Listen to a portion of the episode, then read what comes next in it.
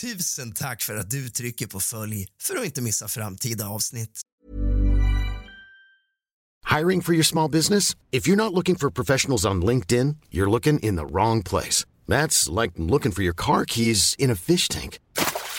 LinkedIn helps you hire professionals you can't find anywhere else, even those who aren't actively searching for a new job but might be open to the perfect role. In a given month, over 70% of LinkedIn users don't even visit other leading job sites. So start looking in the right place. With LinkedIn, you can hire professionals like a professional. Post your free job on linkedin.com slash people today. Hey, I'm Ryan Reynolds. At Mint Mobile, we like to do the opposite of what Big Wireless does. They charge you a lot, we charge you a little. So naturally, when they announced they'd be raising their prices due to inflation, we decided to deflate our prices due to not hating you. That's right. We're cutting the price of Mint Unlimited from $30 a month to just $15 a month. Give it a try at mintmobile.com slash switch. $45 upfront for three months plus taxes and fees. Promo rate for new customers for limited time. Unlimited more than 40 gigabytes per month. Slows. Full terms at mintmobile.com. When you're ready to pop the question, the last thing you want to do is second guess the ring. At Bluenile.com, you can design a one of a kind ring with the ease and convenience of shopping online. Choose your diamond and setting. When you find the one, you'll get it delivered right to your door. Go to Bluenile.com and use promo code LISTEN to get $50 off your purchase of $500 or more. That's code LISTEN at Bluenile.com for $50 off your purchase. Bluenile.com code LISTEN. Grigori Rasputin föddes den 20 januari 1869 i en sibirisk liten stad som hette Pokrovskoj. Sibirien under den här tiden var en plats för knepiga människor, människor som hade blivit utkastade ur samhället, människor som hade valt en egen tvivelaktig väg, eller fängelsearbetare. Det är en väldigt kall plats och väldigt svårbeboelig under vintrarna på den här tiden. Rasputins far var en bonde och hans mamma hade redan fött sju barn innan han ens föddes. Dock dog alla utom Gregory Rasputin. Gregory Rasputin menade att han kunde se framtiden, även att han fick besök av änglar i sina drömmar. Han visste saker om sina grannar som ingen kunde tänkas veta. Detta räckte för att folk i hans närhet skulle tro på honom. Han kunde läka hästar som var sjuka bara genom att ta vid dem. Det gick så långt att vissa i byn trodde att han hade direktkontakt med Gud själv. Medan vissa trodde att han var en mörk kraft och att han potentiellt kunde arbeta direkt med djävulen. I hans tonår och tidiga 20-årsålder skulle det lika gärna kunna stämma för att han betedde sig mycket illa och hade en fruktansvärd hygien. Han drack, han stal och han gick folk på nerverna. Vid 28 års ålder var han gift och hade fyra barn med sin fru som han mötte i grannbyn. Han hade ett rykte om att vara djupt alkoholiserad och att han bedrog sin fru. En dag stal Rasputin en häst.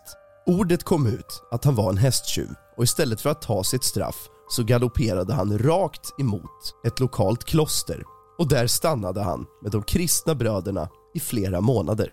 De övertygade honom att hitta Gud och ändra sitt ondskefulla sätt. En man vid namn Makarej blev hans mentor och han bestämde sig för att gå med som munk. Han övergav sin familj för att fara runt från plats till plats för att predika. Han gick i månader i den sibiriska skogen helt själv bland björnar, tigrar, snöleoparder, lokatter och isbjörnar. Detta stoppade inte Rasputin. I skogen träffade han en sekt som heter Klystis. Det var en egen grupp från den ryska ortodoxa kyrkan och många av deras medlemmar hade hemliga möten i skogen. De trodde att för att få syndernas förlåtelse så måste man synda ordentligt först. De hade ceremonier där man ströp varandra och släppte i sista ögonblicket. De blev höga genom denna kvävning. De talade i tungor, de snurrade och dansade till de kände sig fulla. De körde så hårt till de föll till marken för att sedan ha sex med vem som helst som låg bredvid dem för att tillsammans ha massiva orger. Rasputin fortsatte att resa och predika den kristna tron.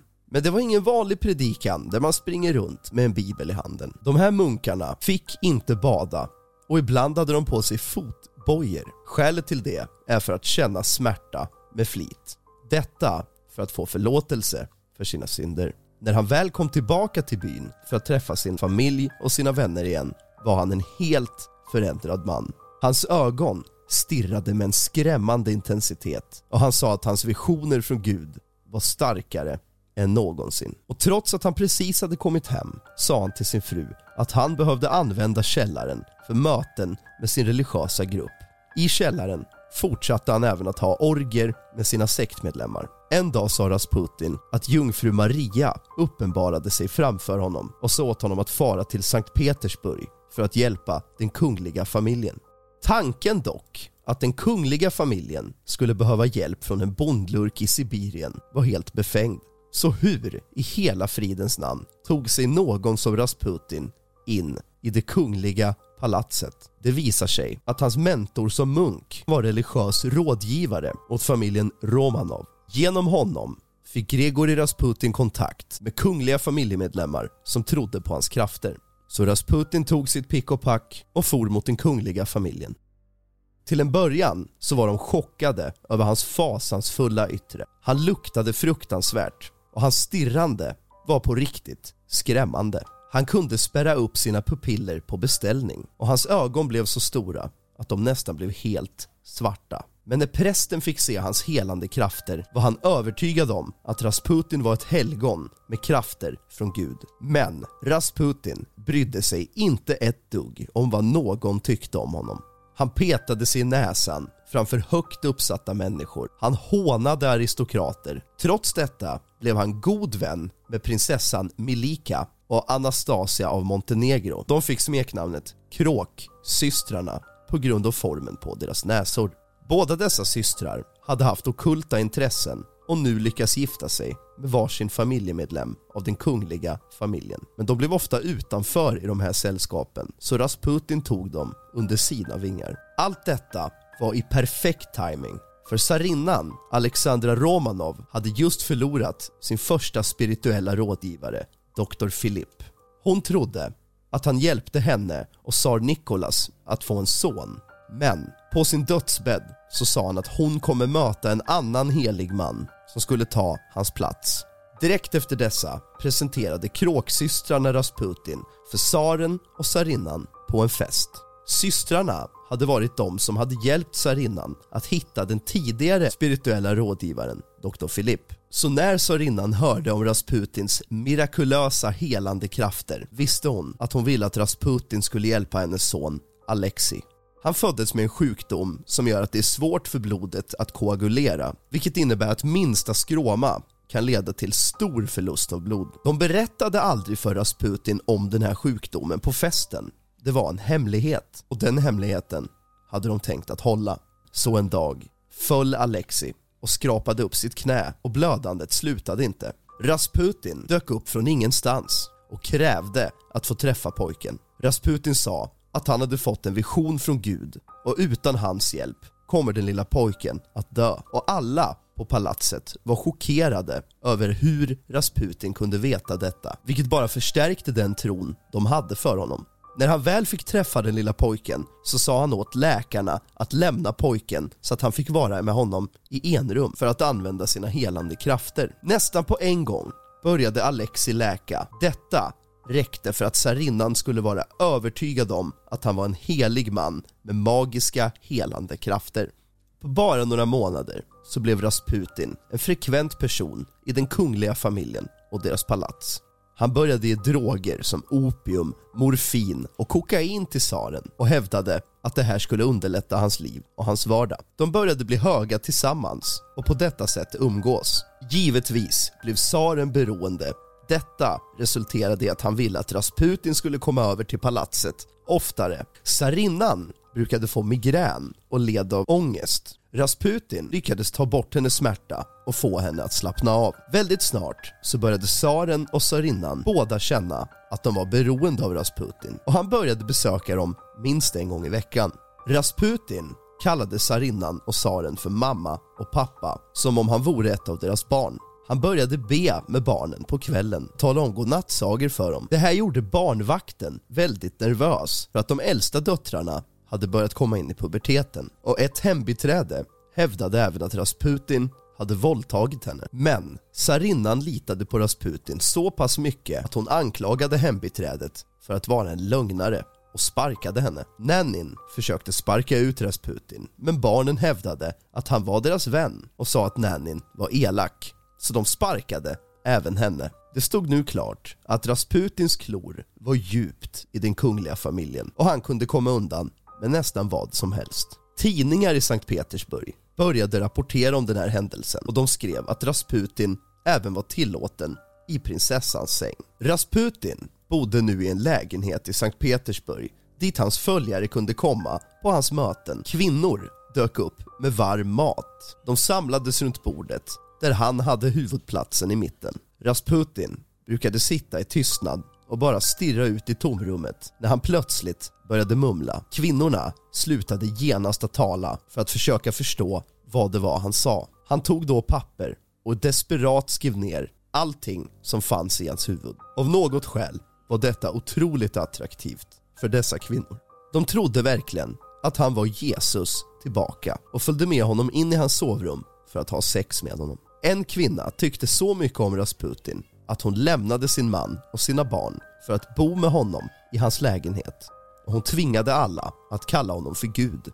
Vittnen har öppnat dörren för att se henne hålla i hans penis skrikandes “Du är Jesus och jag är din” Efter att ha hört alla de här skandalerna beordrades poliser att följa efter honom var han än gick för att se vad han höll på med. De rapporterade att han använde sig av prostituerade varje dag och tog med dem in i badhus. För en man som badar så ofta så doftade han väldigt illa. Detta har att göra med att han inte badade särskilt ofta utan de gick in i ett privat rum där de båda klädde av sig. Sedan tog han av sig sitt läderskärp och började slå kvinnor med det. Han hävdade att han slog synderna ur deras själar. Sedan hade han sex med henne, lämnade badhuset utan att någonsin ens ha rört vid vattnet. Rasputin påstod att han kunde känna djävulen i honom och att det pågick en strid om hans själ. Munkarna som hade introducerat Rasputin för högt uppsatta människor hörde talas om att han gick och skrek på gatorna om demonerna i honom och började skämmas då det var de som hade introducerat honom in till societeten. De gensköt Rasputin för att konfrontera honom med vad han höll på med. De anklagade honom för att använda djävulen för helande kraft. En av munkarna tog Rasputin i sin penis och skrek att det är den här du tänker med och inte din hjärna. De kom förberedda med ett stort krucifix av trä som de använde för att slå honom blodig med. Rasputin i sin tur skvallrade på munkarna till tsarinnan och sa att de försökte mörda honom. De båda skickades till Finland för att leva i exil. Rasputin kände att det var dags att lämna storstan för att åka hem till Sibirien och få lite frisk luft efter allting. I hembyn fick en person reda på att Rasputin är antikrist så personen anlitade en prostituerad för att mörda honom. Denna prostituerade kvinna hade tidigare fått sin näsa avskuren av en torsk. Så att hon fick av denna person veta att Rasputin ofta använde sig av prostituerade och inte behandlade dem väl. Hon dök upp i hans by, väntade på honom utanför hans hem. Rasputin skulle lämna sin bostad och såg kvinnan stå utanför bara stirrandes och tyckte att hon såg ut att vara en perfekt person att konvertera. Så han gick över till henne. När han kom tillräckligt nära högg hon honom i magen flera gånger. Hon var så bestämd att hon skulle döda honom så att hon grävde in sin hand i hans mage för att dra ut inälvor. Samma dag så blev Frans Ferdinand mördad, en av många saker som triggade början till första världskriget. Istället för att vara vid kungafamiljens sida för att ge dem råd och vägledning så var han fast på ett sjukhus i Sibirien för att läka från dessa skador. När Rasputin fick höra om allting som hände skrev han ett brev att de inte ska gå till krig. Och han skrev “Vi kommer alla drunkna i blod”. Men tsaren ville inte lyssna på Rasputin. För första gången i hans karriär så gapade folk efter honom på gatorna och hurrade och de stöttade strid och att man ska slåss för Ryssland. Så tsaren lämnade palatset för att delta i striden. Tsarinnan var helt själv. Efter att Rasputin hade läkt så åkte han tillbaka till palatset. Miljoner ryska män dog i kriget. Folk kämpade för att hitta arbete och en sån enkel sak som bröd hade blivit dubbelt så dyrt. Och som om det inte vore nog så litade tsarinnan på en galning. Hela landet hade nu fått nog. Det ryska folket hade inget annat val än att starta en revolution. Han överlevde mordförsöket, men hans hälsa hade börjat bli allt sämre. Och snart kunde han inte längre hela människor. Han skrev i sin dagbok att han visste att han snart skulle dö och att han redan hade fredats med tanken. Han trodde att Gud var tvungen att göra en uppoffring för att rädda det ryska folket på ett liknande sätt som Jesus dog på korset. Han skrev till tsarinnan om en av dina relationer orsakar min död så kommer ingen i din familj att leva i mer än två år till. De kommer alla att dödas av det ryska folket. Säg åt dina släktingar att jag redan har betalat för dem i mitt blod. Jag kommer att bli dödad. Jag är inte längre bland de levande. Be och var stark. Under ett möte i parlamentet så sa en politiker att Rasputin är en mörk kraft och att han var trött på att en smutsig luffare styr landet och att han kommer döda honom själv om ingen tar hans makt ifrån honom. Tsarinnans syskonbarn var en man som hette Felix Yusupov. Han var en av de många personer som ville se Rasputin död. Han hörde mycket om Rasputins rykten bland kvinnorna och hans egen fru hade rykte om att vara den vackraste kvinnan i hela Sankt Petersburg. Det ryktades att Yusupov var bisexuell och att de var swingers med ett äventyrligt sexliv. Han bjöd in Rasputin för att göra dem sällskap. Han menade att hans fru hade tagit deras öppna förhållande för långt och att hon hade fått ett sexberoende. Han sa att han behövde Rasputins hjälp för att få bort demonerna som är inne i henne. Efter att ha vunnit Rasputins förtroende så träffade Yusupov två av sina kollegor och de planerade nu att döda honom. De hämtade Rasputin i en bil och körde honom till Yusupovs mansion. Där fördes han till en matsal i källaren. Bordet hade stageats och satts upp som om de hade en stor fest. De sa att den attraktiva frun var bland gäster på övervåningen och att hon snart skulle komma ner för att då kunna få sin helande ceremoni. Under tiden så bjöd de honom på mat och vin, te och bakverk, mera tårta, mera vin. Men Rasputin hade ingen aning om att allt var spetsat med cyanid.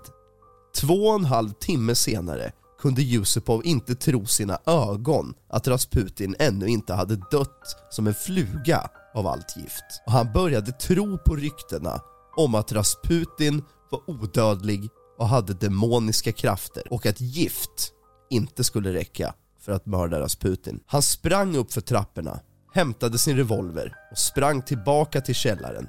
Siktade pistolen rakt mot Rasputin. Rasputin stod bara där och stirrade rakt fram.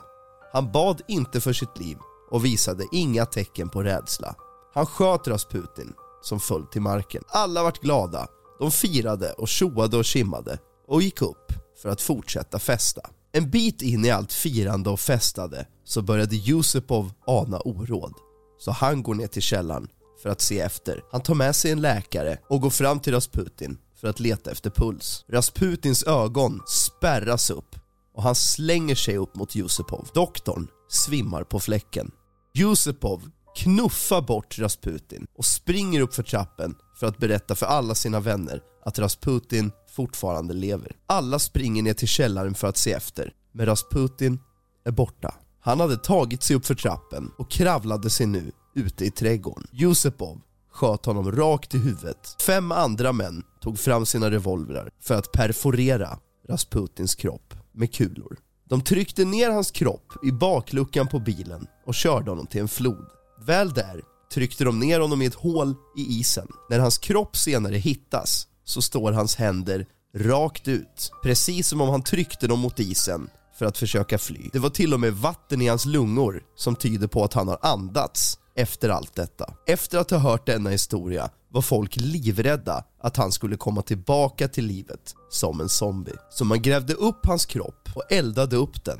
Men man sparade hans penis. Denna penis finns att se på museum i Sankt Petersburg. Efter Rasputins död så blev det han hade förutspått sant. Hela familjen Rovanov dog under revolutionen och Ryssland blev sig aldrig likt igen.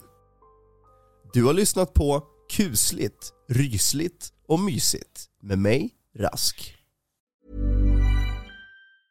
Planning for your next trip? Elevate your travel style with Quince. Quince has all the jet setting essentials you'll want for your next getaway, like European linen, premium luggage options, buttery soft Italian leather bags, and so much more. And is all priced at 50 to 80% less than similar brands. Plus, Quince only works with factories that use safe and ethical manufacturing practices. Pack your bags with high-quality essentials you'll be wearing for vacations to come with Quince. Go to quince.com slash pack for free shipping and 365-day returns. A lot can happen in the next three years. Like a chatbot may be your new best friend. But what won't change? Needing health insurance. United Healthcare Tri-Term Medical Plans are available for these changing times. Underwritten by Golden Rule Insurance Company, they offer budget-friendly, flexible coverage for people who are in between jobs or missed open enrollment. The plans last nearly three years in some states, with access to a nationwide network of doctors and hospitals. So for whatever tomorrow brings, United Healthcare Tri-Term Medical Plans may be for you. Learn more at uh1.com. Hey, it's Paige DeSorbo from Giggly Squad. High quality fashion without the price tag. Say hello to Quince. I'm snagging high-end essentials like cozy cashmere sweaters, sleek leather jackets, fine jewelry, and so much more. With Quince being 50 to 80% less than similar brands. And they partner with factories that prioritize safe, ethical, and responsible manufacturing. I love that. Luxury quality within reach. Go to quince.com slash style to get free shipping and 365 day returns on your next order. Quince.com slash style.